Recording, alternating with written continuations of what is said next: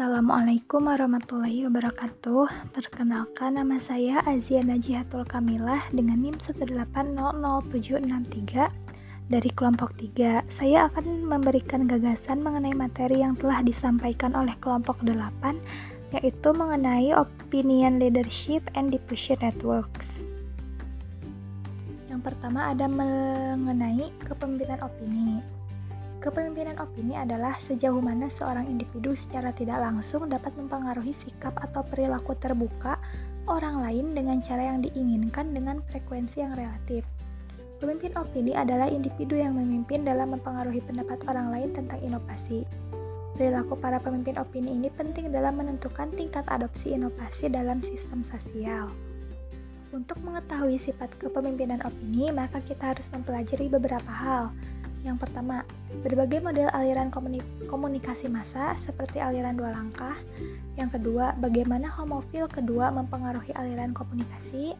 Selanjutnya, mengenai langkah-langkah kepemimpinan opini dan yang terakhir mengenai karakteristik pemimpin opini. Dalam rangka untuk memahami sifat kepemimpinan pendapat difusi, maka perlu dipelajari mengenai model aliran komunikasi massa yang meliputi dua hal. Yang pertama ada hypodermic needle model dan yang kedua ada the two-step flow model atau model dua langkah. Hypodermic needle model ini menegaskan bahwa media massa memiliki pengaruh yang langsung dan sangat kuat terhadap massa. Selanjutnya, eh, ada the two-step flow model atau model dua langkah. Model aliran dua langkah ini membantu memfokuskan perhatian pada antar muka antara media massa dan pengaruh interpersonal. Hal ini memberikan kesan bahwa media massa tidak begitu berkuasa dan tidak setegas yang pernah kita pikirkan.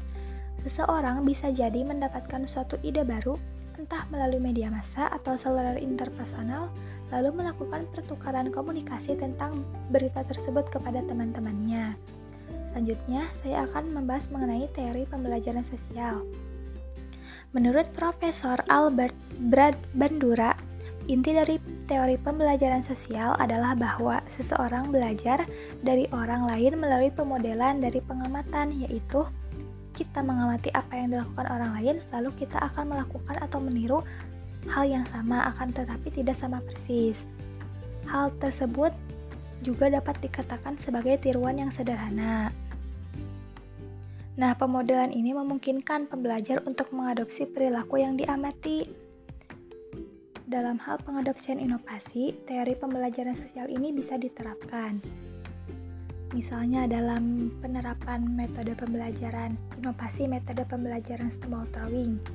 Tentunya akan berbeda jika diterapkan dalam uh, apa pembelajar, uh, mata pelajaran PKN dan mata pelajaran matematika. Misalnya Metode pembelajaran snowball drawing ini diterapkan dalam mata pelajaran PKN dan dilakukan secara berkelompok, sedangkan dalam mata pelajaran matematika, metode snowball drawing ini diterapkan secara individu. Mengapa demikian? Karena e, sering kali siswa itu merasa kesulitan dalam berhitung, sehingga dalam pembelajaran matematika itu lebih disarankan untuk dilakukan secara individu agar semua siswa itu dapat mengerti gitu bagaimana caranya berhitung. Sedangkan dalam mata pembelajaran PKN mah bisa dilakukan secara berkelompok karena nanti si ketua kelompok itu e, bisa menjelaskan kembali teori yang telah disampaikan oleh guru. Terakhir saya akan memberikan pertanyaan yaitu e, bagaimana peran pemimpin opini dalam keberhasilan suatu inovasi. Sekian yang dapat saya sampaikan. Mohon maaf apabila ada terjadi kesalahan penyampaian. Terima kasih. Wassalamualaikum warahmatullahi wabarakatuh.